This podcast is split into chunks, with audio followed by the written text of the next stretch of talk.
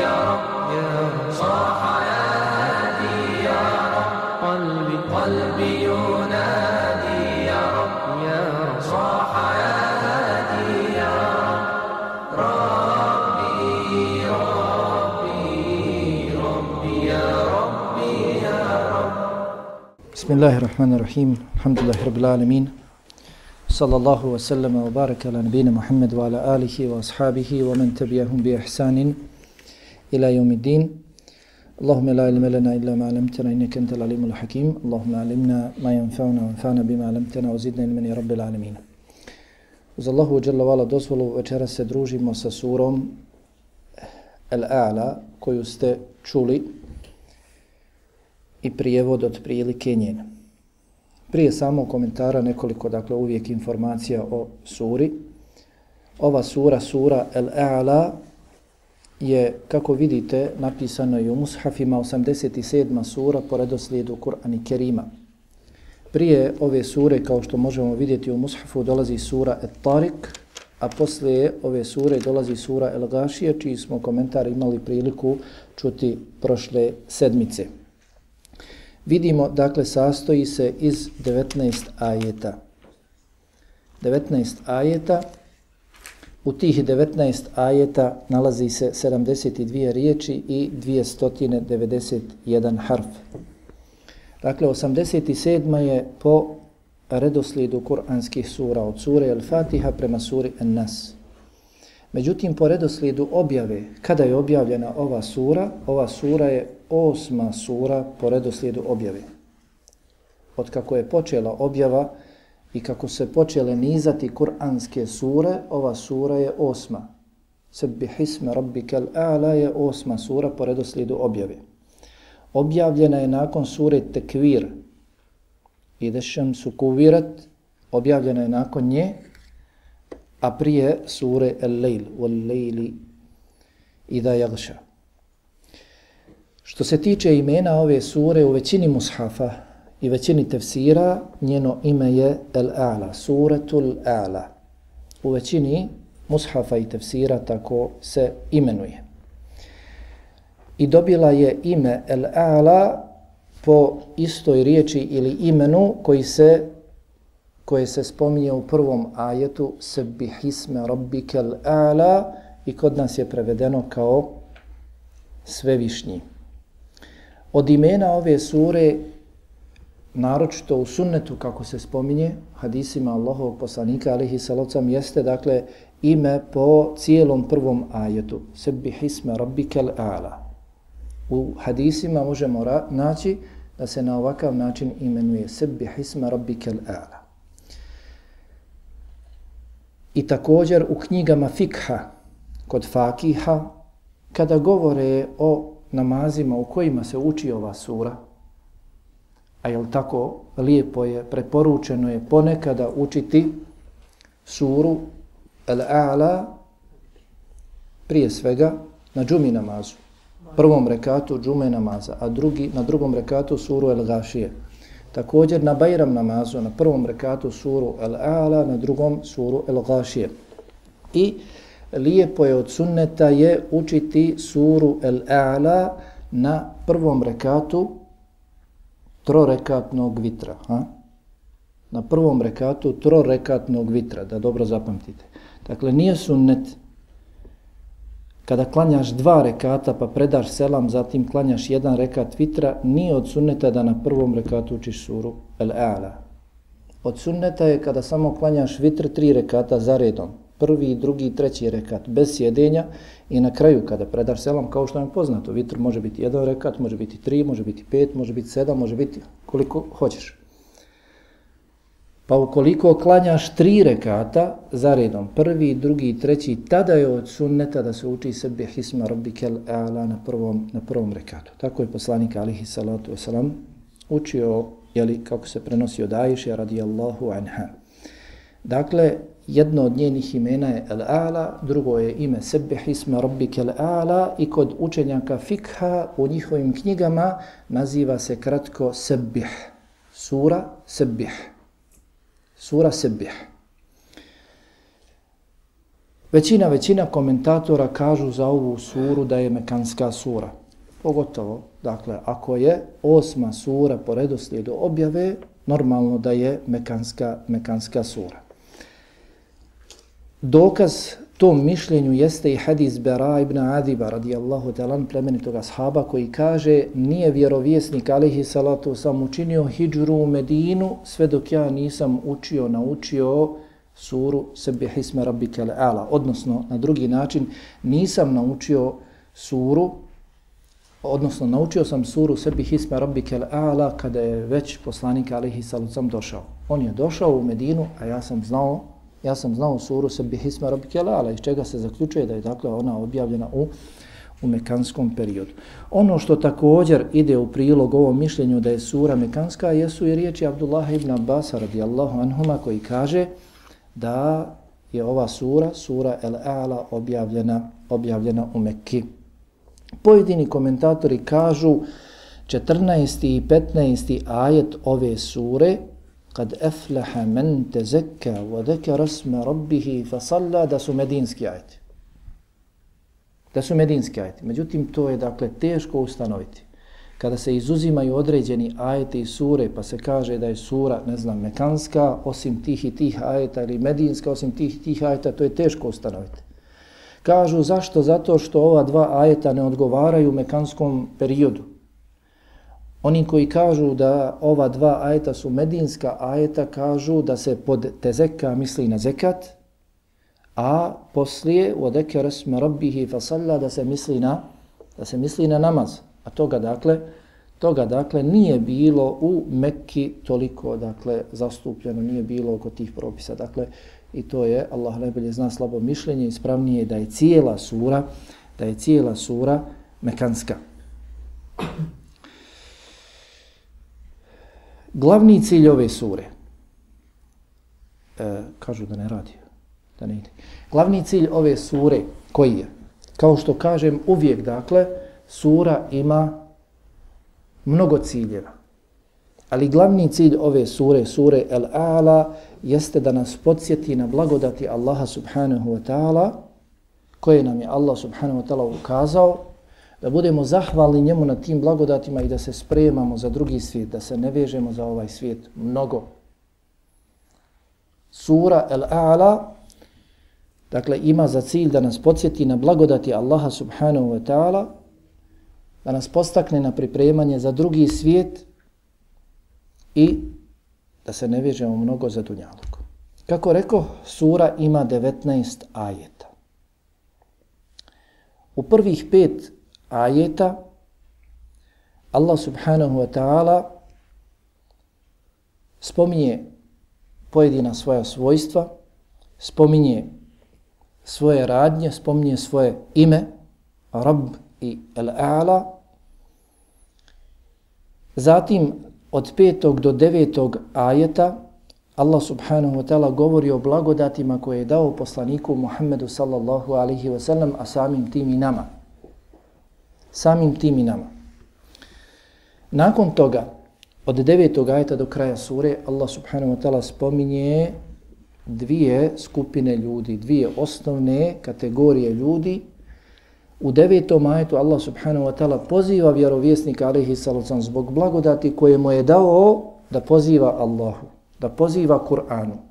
Nakon toga, od desetog ajeta do kraja sure spominje dvije kategorije. One koji se odazovu Allahu, odazovu Kur'anu i one koje se ne odazovu, ne odazovu Kur'anu i Allahu subhanahu wa ta'ala. Sura prije ove je sura Tarik.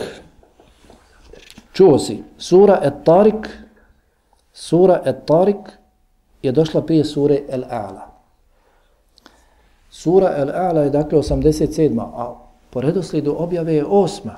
Zašto je smještena ovdje? Zato što govori slično kao sura El-A'la. U suri, u suri, sura Et-Tarik, u suri Et-Tarik Allah subhanahu wa ta'ala spominje stvaranje čovjeka. Od čega stvara čovjeka?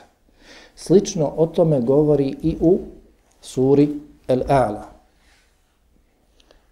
U suri Tarik Allah subhanahu wa ta'ala spominje rastinje kako Allah subhanahu wa ta'ala spušta kišu, kako izniče rastinje zemlje, kako puca zemlja i slično. da bi izašlo rastinje.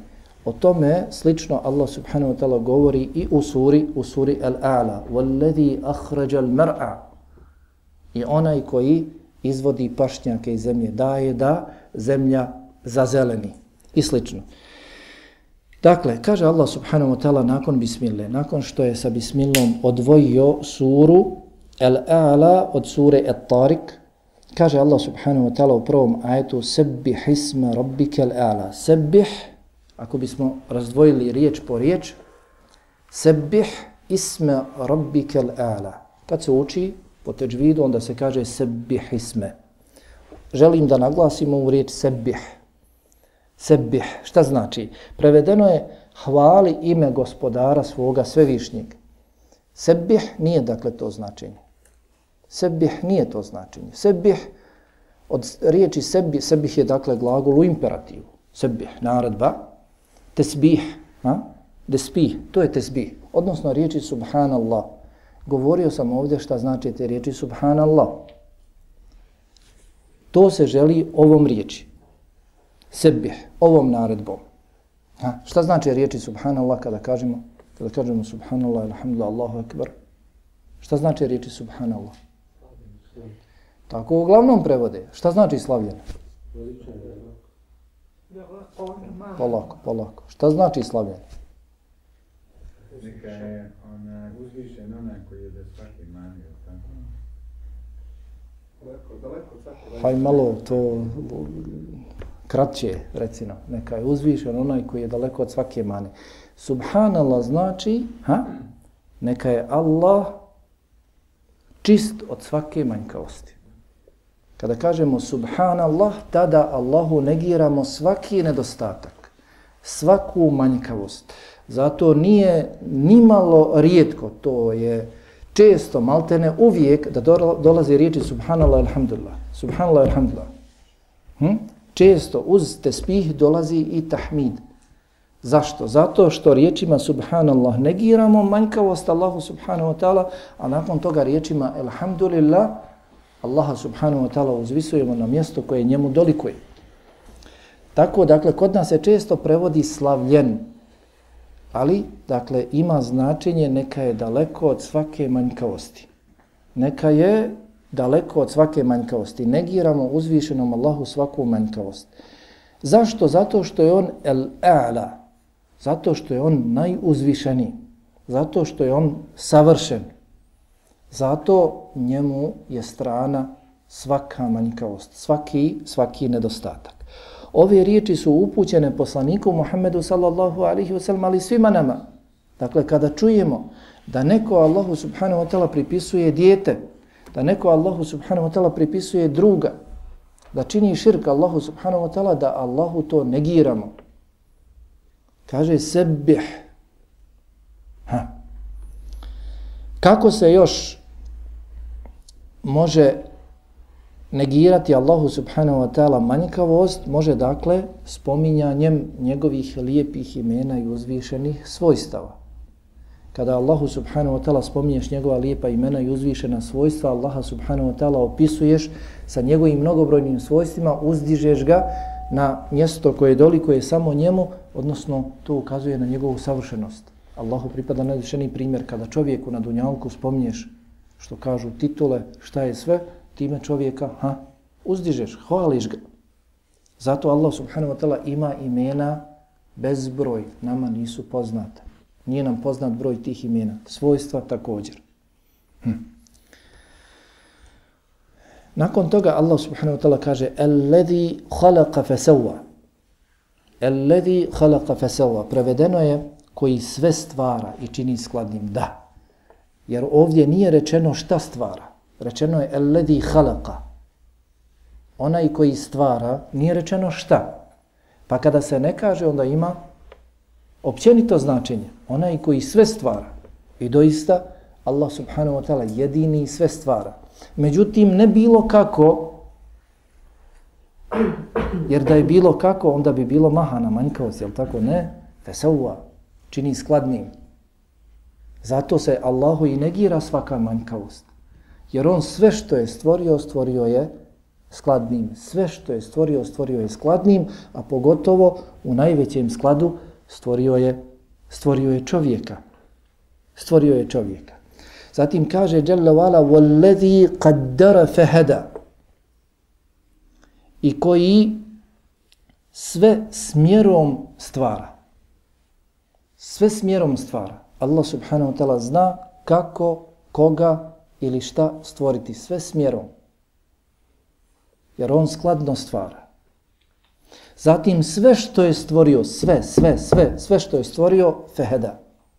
Ukazuje mu na ono u čemu je dobro za njega. U svakom stvorenju je urođeno šta je dobro. Fitra. Šta se kaže? Fitra. Urođena vjera u čovjeku je da može razaznati dobro od zla.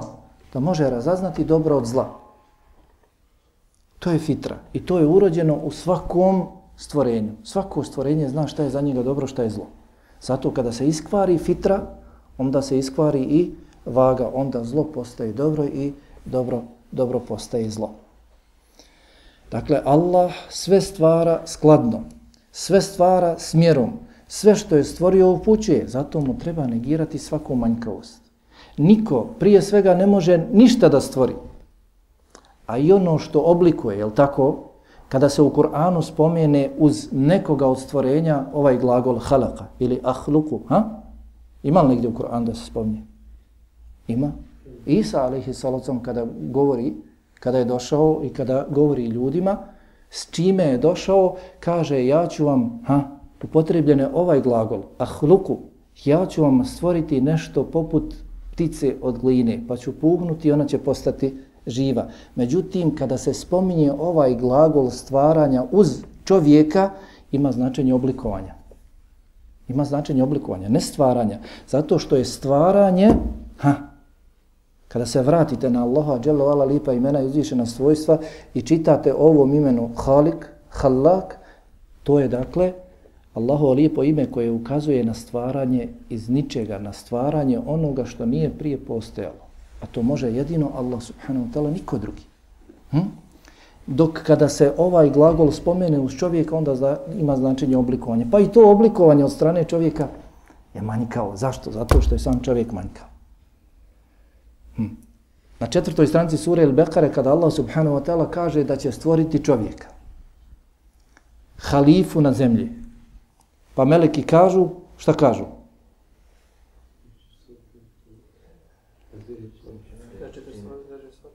Ha? Mi smo ti koji iba, ibadeti činimo. Činimo ti ibadet.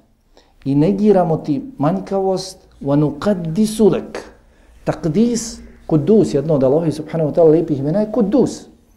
Takdis također znači negirati Allahu subhanahu wa ta'ala svaku manjkost. Zašto je ovdje došlo wa nuqaddisu lek? Moglo je da dođe wa nuqaddisuk. Ne, ali ovaj lam u arapskom jeziku ima značenje dostojnosti. Jedino si ti dostojan da se negira svaka manjkavo. Zašto? Jer si jedino ti gospodaru savršen. I sve što Allah subhanahu wa ta'ala odredi, propiše, naredi, zabrani, sve, sve je skladno. I sve je savršeno to ljudski umovi možda na svoj način razumijevaju pa ispadne manjkavo, ali zbog toga ne treba kriviti Bože sačuvaj Allaha ili Allahu vjeru već svoj manjkav, svoj manjkav razum. Zato je li tamo kako kažu učenjaci, kogod da prednost razumu nad objavom, to je dokaz da mu je razum manjkav Kogod dadne prednost razumu nad objavom, pa pokuša svojim razumom da razumijeva propise da on govori trebalo bi ovako ili onako, to je dokaz da je njegov razum, to je dokaz da je njegov razum manjkav. Kaže Allah subhanahu wa ta'ala nakon toga وَالَّذِي أَخْرَجَ الْمَرْعَ وَالَّذِي أَخْرَجَ الْمَرْعَ i onaj koji izvodi pašnjake. Kako sam rekao u suri Tarik, slično se spominje rastinje. Tako i ovdje, pa zbog toga to je jedna od veza sura. وَالَّذِي أَخْرَجَ الْمَرْعَ i koji čini da pašnjaci za zelene. Jer čovjek ne živi sam, ne može da živi sam. Potrebna mu je pomoć, potrebna mu je hrana i sl. Feđe alehu gusa'en ahva. Zatim, nakon izvjesnog vremena, Allah je taj koji učini da ti pašnjaci postanu suhi, sasuše se, a zatim opuste, odnosno postanu sivi crni. Na što nas ovo podsjeća? Ovo nas podsjeća na sudnji dan. Ovo nas podsjeća na sudnji dan. Živimo, živimo, živimo. Ha? Prvo smo stvoreni, skladno stvoreni, zatim u punoj snazi, zatim polako prolazi naš život dok na kraju odemo sa ovoga svijeta. I Allah subhanahu wa ta'ala ponovo će nas, ponovo će nas proživjeti. Pa dakle, nekoliko poruka iz ovih hajta koji su prethodili, obaveza nam je dakle negirati Allahu subhanahu wa ta'ala svaku manjkavost. Svaku manjkavost. U suri se nalazi potvrda Allahu subhanahu wa ta'ala imena Rab i Al-A'la. Rab i el-a'la. El-rab je jedno od Allahu subhanahu wa ta'ala posebnih imena. Istinski gospodar. Govorio sam ovdje, istinski gospodar jeste onaj koji stvara, koji sve stvoreno održava i uređuje i koji sve stvoreno obskrbljuje. Zato je Allah subhanahu wa ta'ala jedini istinski gospodar. Niko drugi ne može ovo. Niti iko drugi učestvuje sa Allahom subhanahu wa ta'ala u stvaranju, održavanju, obskrbljivanju. Allah subhanahu wa ta'ala jedan jedini. Zatim, iz ovih ajeta vidimo da je Allah subhanahu wa ta'ala taj koji stvara, koji sve skladno stvara i da je on taj koji upućuje. Da je on taj koji upućuje. Potomstvo treba tražiti od Allaha, treba moliti za uputu Allahu subhanahu wa ta'ala za uputu svoga, svoga potomstva. I vidimo dakle i šarate na sudnji dan. Nakon toga Allah subhanahu wa ta'ala od šestog ajeta do devetog govori o poslaniku Muhammedu sallallahu alaihi wa sallam. I ovi ajeti se odnose na njega. Da neko ne kaže ove ajete ne uči, da neko ne bi učio nekome od ljudi. Se nukri u kefela tensa. Ovaj ajet se odnosi samo na poslanika alaihi sallam. Mi ćemo te podučiti Kur'anu pa ga nećeš zaboraviti. Mi ćemo te podučiti Kur'anu, odnosno mi ćemo ti sakupiti Kur'an u tvojim prsima, grudima pa ga nećeš zaboravljati. Ovaj ajet se odnosi na poslanika alaihi sallam. Ne može neko da kaže i na ovog i na onog. Ne se nukri u kefela tensa. Mi ćemo ti dakle olakšati Kur'an, mi ćemo ti sakupiti Kur'an u tvojim prsima pa ga nećeš zaboravljati. Illa maša Allah. Osim onoga što Allah bude htio. Kažu komentatori, to je šta? To su ajeti koje Allah bude htio da dokine. To su ajeti koje Allah subhanahu wa ta'ala bude htio da dokine. Ima nekoliko vrsta dokidanja ajeta. Tekst, propis, onaj tekst koji Allah subhanahu wa ta'ala želi potpuno da dokine, da se više i ne čita, Allah subhanahu wa ta'ala učini da čovjek ga zaboravi, odnosno da ga poslanika alaihi sallam skroz zaboravi. Kažu komentatori, uglavnom se na to misli ovdje, u ovom ajetu, o ajetima koji se, koji se dokidaju. Nećeš zaboraviti ništa iz Kur'ana osim onoga što Allah bude htio osim onoga što Allah bude htio da dokine innehu ja'lemu l-đehra wa ma jahfa. Doista on, Allah subhanahu wa ta'ala, zna ono što iznosite na javu i ono što krijete ono što krijete u svojim prsima. Wa nu jesiruke lil yusra. Wa nu lil yusra. Hm? Ovdje kaže Allah mi i mi ćemo ti olakšati ono što je dobro za tebe. Kaže, mi ćemo ti olakšati ono što je dobro za tebe. Šta kaže? Mi. Dakle, to mora da je nešto sada posebno. Jer Allah dželovala kada želi da ukaže na nešto posebno, sebe spominje po veličini. U prethodnim ajetima kaže i koji, i koji, i koji, i koji. A nakon toga kaže mi. Spominje sebe u veličini. Iz ovih ajeta se može izvući jedna prelijepa poruka. Možda sam sad malo, kad smo završili sa učenjem, onaj, reagovo grubo. Iz ovih kuranskih ajeta ti se kaže i poručuje da ukoliko budeš živio sa Kur'anom, ukoliko budeš skupljao Kur'an u svojim prsima, ukoliko se budeš družio sa Kur'anom, to će biti razlog olakšavanja ti poslova na Dunjaluku to će ti otvoriti puteve do svakoga dobra. Mi ćemo ti sakupiti Kur'an u tvojim prsima ti ćeš čuvati Kur'an u svojim prsima i zbog toga mi ćemo ti olakšati put do svakog dobra i zasigurno sve ono što nam je potrebno nalazi se u Kur'anu. Sigurno, kao što kaže Allah subhanahu wa ta'ala, ma farratna fil kitabi min šej, mi u knjizi ništa nismo izostavili. Kako kažu, mi u knjizi Kur'anu ništa nismo izostavili od onoga što vam je potrebno. Što vam je potrebno za uspjeh, za spas, da uspijete i spasite se i na Dunjalku i sutra, sutra na Ahiretu. Nakon toga Allah subhanahu wa ta'ala, to je nešto posebno. Kur'an je poseban olakšavanje dunjalučkih poslova ili pogotovo ahiretskih, dakle onih dijela koja vode do uspjeha na ahiretu, to je nešto posebno. Posebna blagodat. Zato Allah subhanahu wa ta'ala kaže fedekir, opominje onda. Mi ćemo ti dati Kur'an da znaš, sakupit ćemo ti Kur'an, olakšat ćemo ti poslove, olakšat ćemo ti put do drugoga svijeta, zato opominji, podučavaj druge, prenosi drugima na ovakav način da će postići dobro i dunjaluka i ahireta.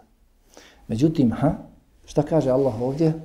Fedekir in nefati zikra. Fedekir in nefati zikra. Ti opomeni, ali onoga kome opomena koristi. Ti opominji, ti govori, ti dostavljaj onima koji hoće da se okoriste.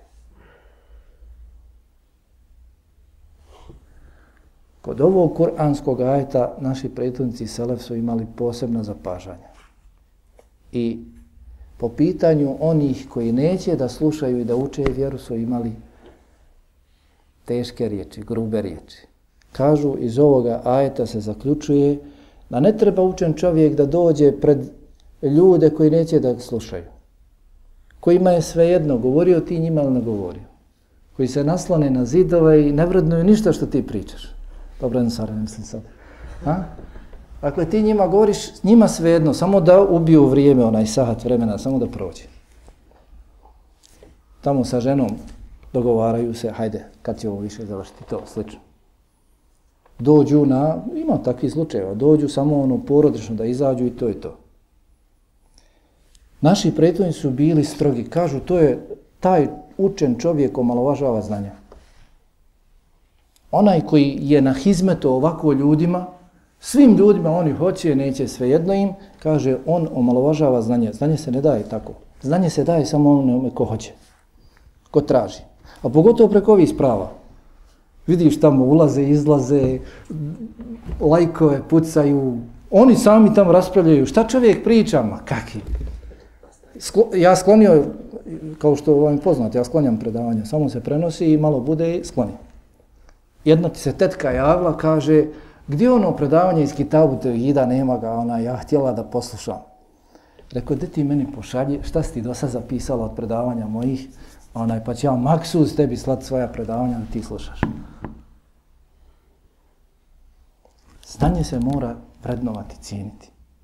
Čuli ste tamo, pročitali ste, da je jedan učenjak vidio drugoga kako sjedi s ljudima koji ne posvećuju toliko pažnju znanju, on njima govori, kaže, šta ti je, zar te dragulje, bisere, kačaš na svinske vratove? Ne ponižavaj znanje. Imam Ahmed i mnogi drugi učenjaci bi sjedili i govorili kad vide da, da ljudi se muhaju, kad vide da ljudi ne posvećuju mu pažnju, on papuče pod pazu i ode. Nisam ja došao radi vas, vi ste izgled, trebali doći radi znanja koje se govori. A učen čovjek nema potrebe za vama. Pa kaže Allah subhanahu wa ta'ala fedekir in nefati zikra. Ti opomeni kada opomena koristi. Ukoliko će opomena koristiti, opomni. Neće ovdje, ima na drugom mjestu gdje će koristiti. Hm. Pa dakle, iz ovih kuranskih ajta vidimo da je Kur'an objava od Allaha subhanahu wa ta'ala. Se nukri u kefela tensa. Mi ćemo te podučiti Kur'anu, pa ga nećeš zaboravljati. I Kur'an je, dakle, posebna blagodat. I ovdje Allah subhanahu wa ta'ala kaže se nukri u ke. Mi ćemo te podučiti Kur'anu. Allah sebe spominje po veličini, ukazujući na Kur'an da je on posebna, posebna blagodat. Zatim, vidimo dakle da je derogacija kuranskih ajeta moguća. Da je derogacija kuranskih ajeta moguća. I Allah subhanahu wa ta'ala na 17. stranici sure El-Baqara, ili u svoje knjige Kur'an i Kerima govori o tome. I mi nikada nećemo dokinuti jedan propis ili jedan ajet, a da nećemo doći sa drugim istim ili boljim propisom. I brojni su primjeri jeli, te derogacije. U suri je također ovim ajtima je dokaz da nam je vjera olakšana. Onu jesiru ke lil yusra i mi ćemo ti olakšati tvoje poslove. Allah, mi, pogotovo ako se uzme da je ovo riječ o ahiretskim poslovima, odnosno ahiretskim dijelima. Allah nam je olakšao. Znaj, uvijek kažem, kad god nešto ti bude teško izvan tvojih mogućnosti, ti nisi zadužen time. Ako neko dijelo je izvan tvojih mogućnosti, ti uopšte nisi zadužen time. Znaj. Allah nikoga ne preopterećuje preko njegovih mogućnosti. Ako su doista tvoje mogućnosti to, ti si iskren sa sobom, želiš sebi spas uspije. Ne moraš ubjeđivati nekoga drugog. Sebe ubijedi da sebi želiš spas uspije i hoćeš sve jedno dobro djelo da radiš i vidiš neko djelo doista ne možeš da uradiš, znaj da time nisi, znaj da time nisi ni, ni zadužen.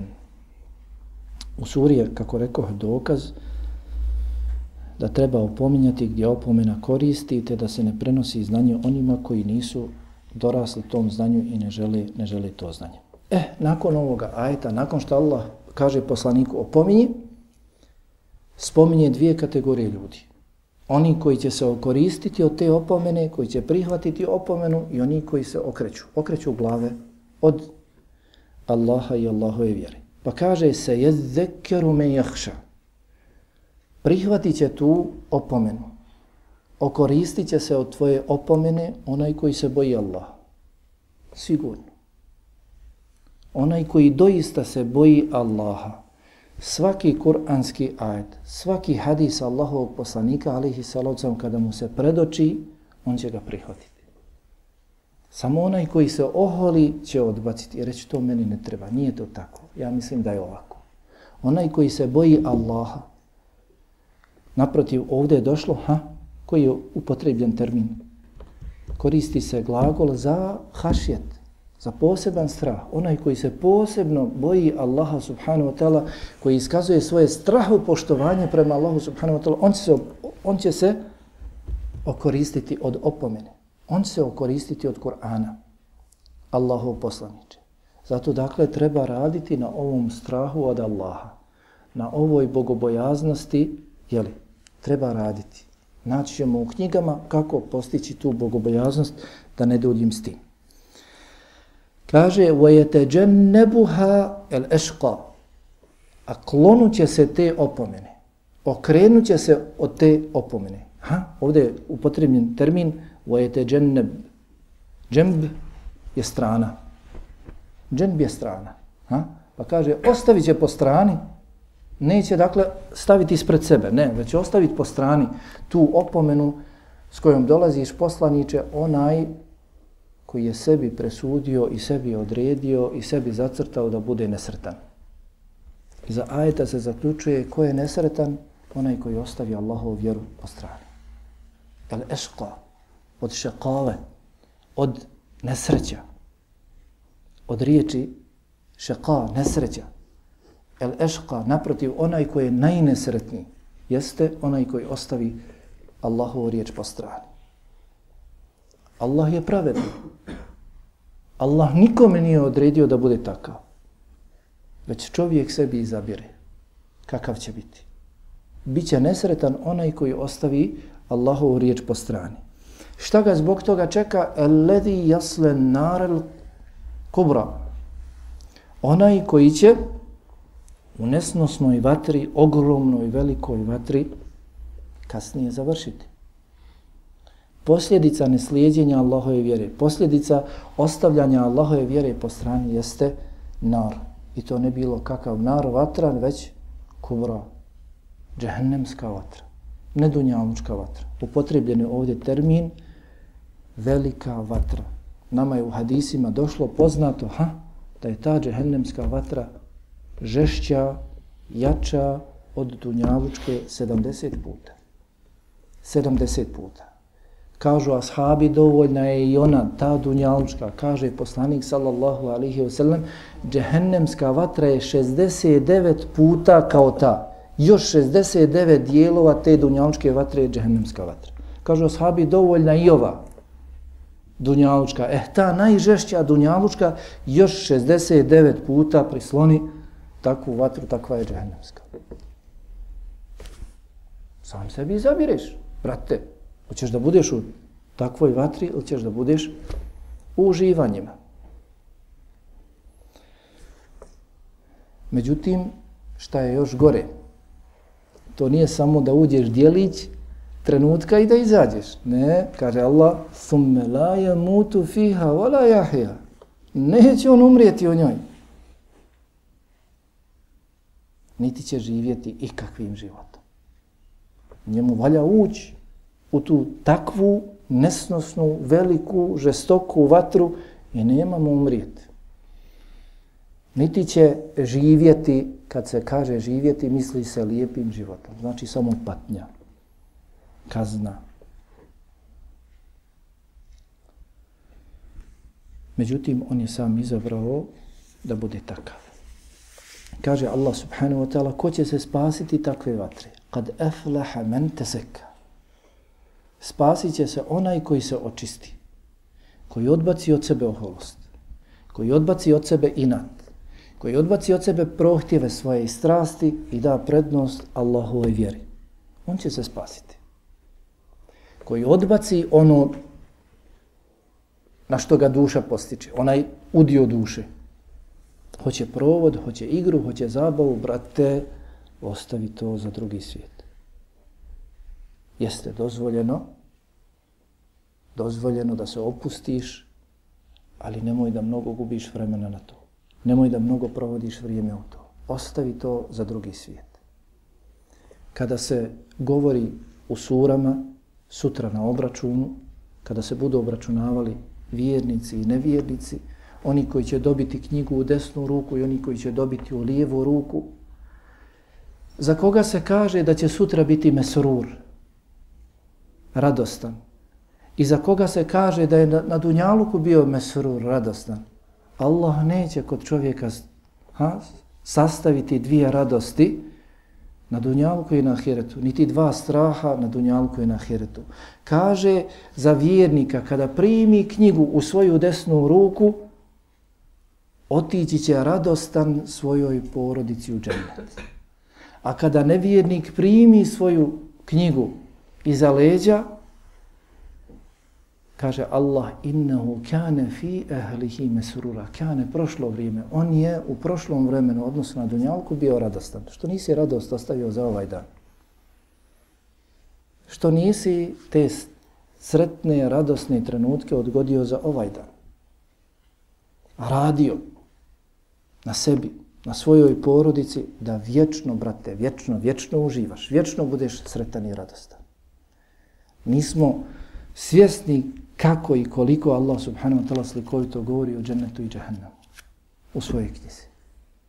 Kada uzmite sura Mutafifin, skoro je kod nas bila, komentar, kada uzmeš u suri Mutafifin, šta će jesti, šta će piti, na čemu će sjediti, koje će sve blagodati im Allah dati, da gledaju, pa čak, ha, koja se još spominje blagodat, Čovjek možda rekao nije to blagodat, da će gledati stanovnike džehennema u džehennemu kako se kažnjavaju.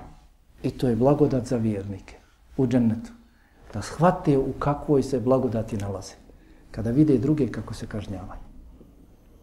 Ha. Kad eflaha men te spasit će se, uspjeće onaj koji se očisti. Wadeke rasme rabbihi fasalla. Slično je došlo u hadisu kad eflaha men eslem. kad eflaha men eslem.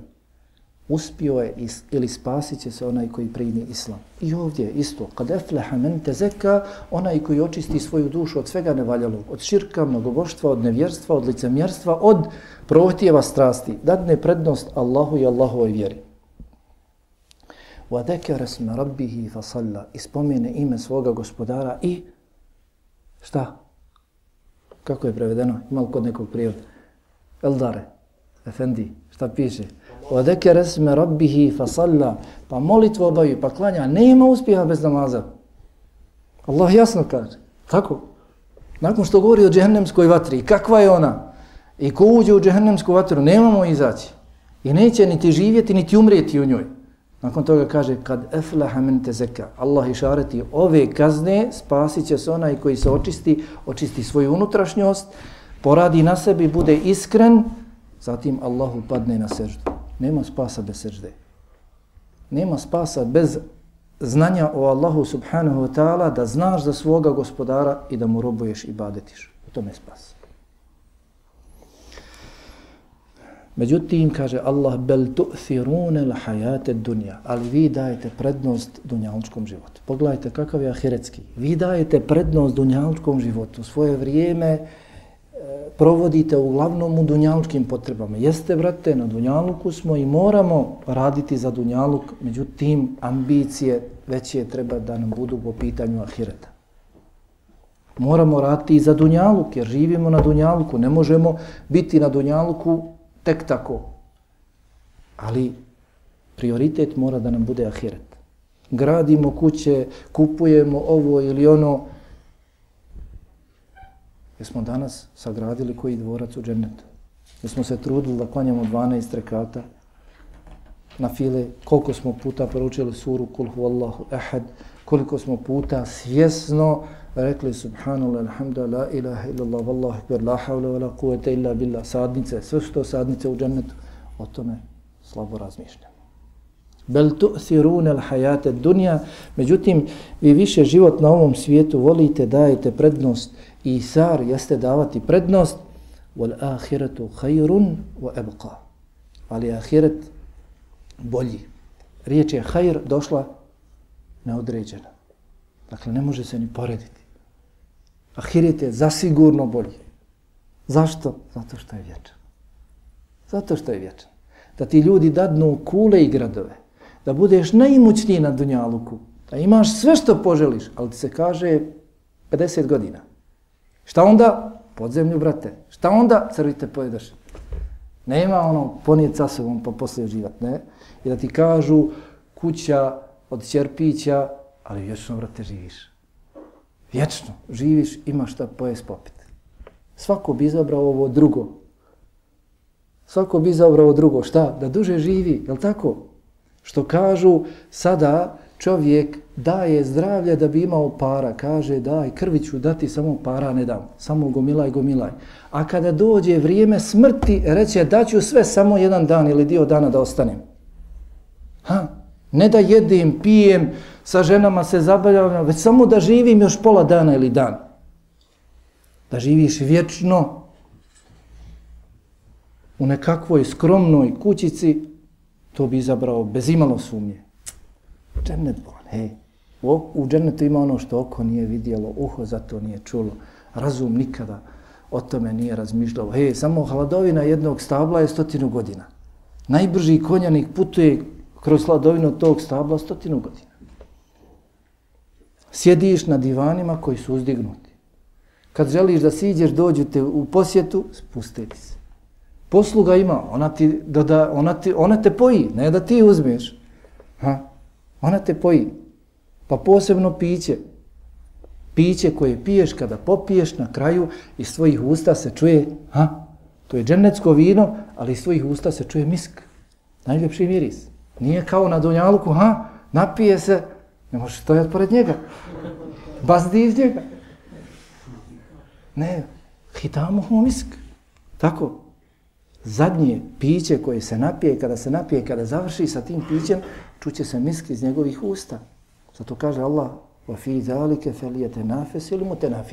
Neka se zato natječu oni koji hoće da se, da se natječu. Čitaj Kur'an, čitaj hadise koji govore o džennetu i njegovim uživanjima. I vječno, i vječno kaže vol ahiretu hajrun wa abqa. Ahiret je zasigurno bolji i vječan je. Zatim kaže inna hada la fi suhufi al-ula suhufi Ibrahima wa Musa. Doista ovo se nalazilo i u suhufima ranijim. Ranije objave su bile i knjiga ali su isto tako bili i listovi. Ovo nam je ajet kao dokaz da su Ibrahim i Musa, alaihi salatu sam, dobili i mimo knjige dobili su listove. Na ovakav način se spominje. I kažu komentatori da o ovome, o sretnima i nesretnima, šta čini jedne sretne, a druge nesretne na drugome svijetu, da je o tome bilo govora i u ovim listovima, suhufima Ibrahima i Musa, alihima salatu wasalam. I dakle, ovaj zadnji ajet govori o vrijednosti Ibrahima i Musa. Nisu spomenuti drugi ovdje poslanici svakako, dakle, i oni su vrijedni. Kada se kaže da ne pravimo razliku među vjerovjesnicima i poslanicima, to znači šta? Ha? Šta znači? Smiješ li reći da je poslanik najbolji poslanik, da je Muhammed Ali Islam najbolji poslanik? Ha? A kaže, dođe ti čovjek kaže, lanu ferriku bejnehum, bejne ahadi minhum, nemoj, ne pravimo razliku, vjernici kažu, ne pravimo razliku među njima. Šta se misli na to? Ne pravimo razliku. Kako? Misli se, ne, misli se da vjeruješ u jednog, u drugog ne vjeruješ. Ili da jednog vrednuješ, a drugog omalovažavaš. Ne, Bože sačuvaj. Svi su oni poslanici, sve su oni prije svega Allaha i robovi, zatim poslanici, Allah je odlikovao nad drugim ljudima sa poslanstvom, ali i među njima ima deređa. Tilke rusulu faddalna badahum ala bad. To su poslanici koji smo mi odlikovali jedne nad, nad drugima. Pa dakle, ovi ajeti ukazuju na vrijednosti Ibrahima alihi salatu wasalam i Musa i također poslanika Muhammeda alihi salocom kada je njemu objavljeno ono što je bilo ono što je bilo objavljeno i njima. Dakle, iz ovih ajeta vidimo da će se iz Kur'ana i od Kur'ana koristiti, iz Kur'ana pouku uzeti onaj koji se boji Allah, onaj koji je bogobojazan. I o tome čak govori početak Kur'ana, je tako?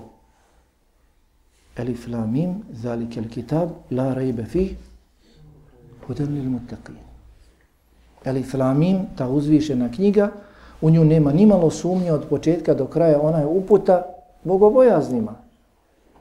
Okoristit će se od nje, uputu će uzeti iz nje onaj koji se boji, onaj koji se boji Allaha subhanahu wa ta'ala. Vidimo dakle da je nesretnik, nije nesretnik onaj koji nema dinara i dirhema, onaj koji nema auta, nema kuće, nema potomstva i ostalo, nesretnik je onaj koji se okrene od Allahove vjere.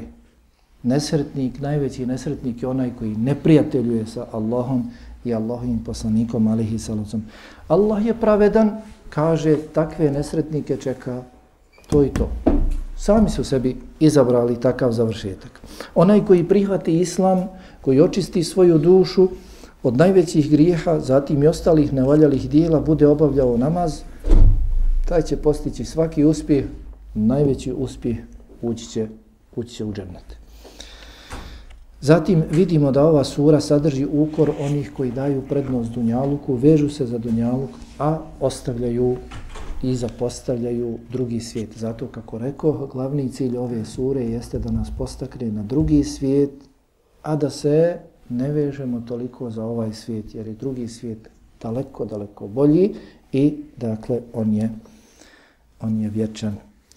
Molim Allaha subhanahu wa ta'ala da nas učini takvima onima koji će učiti, izučavati njegovu knjigu i raditi po njoj, koji će razmišljati prije svega o svome ahiretu, svojoj završnici, moliti Allaha subhanahu wa ta'ala da im podari lijepu završnicu i na dunjavu koji sutra, sutra na ahiretu, moliti i raditi, raditi po tome.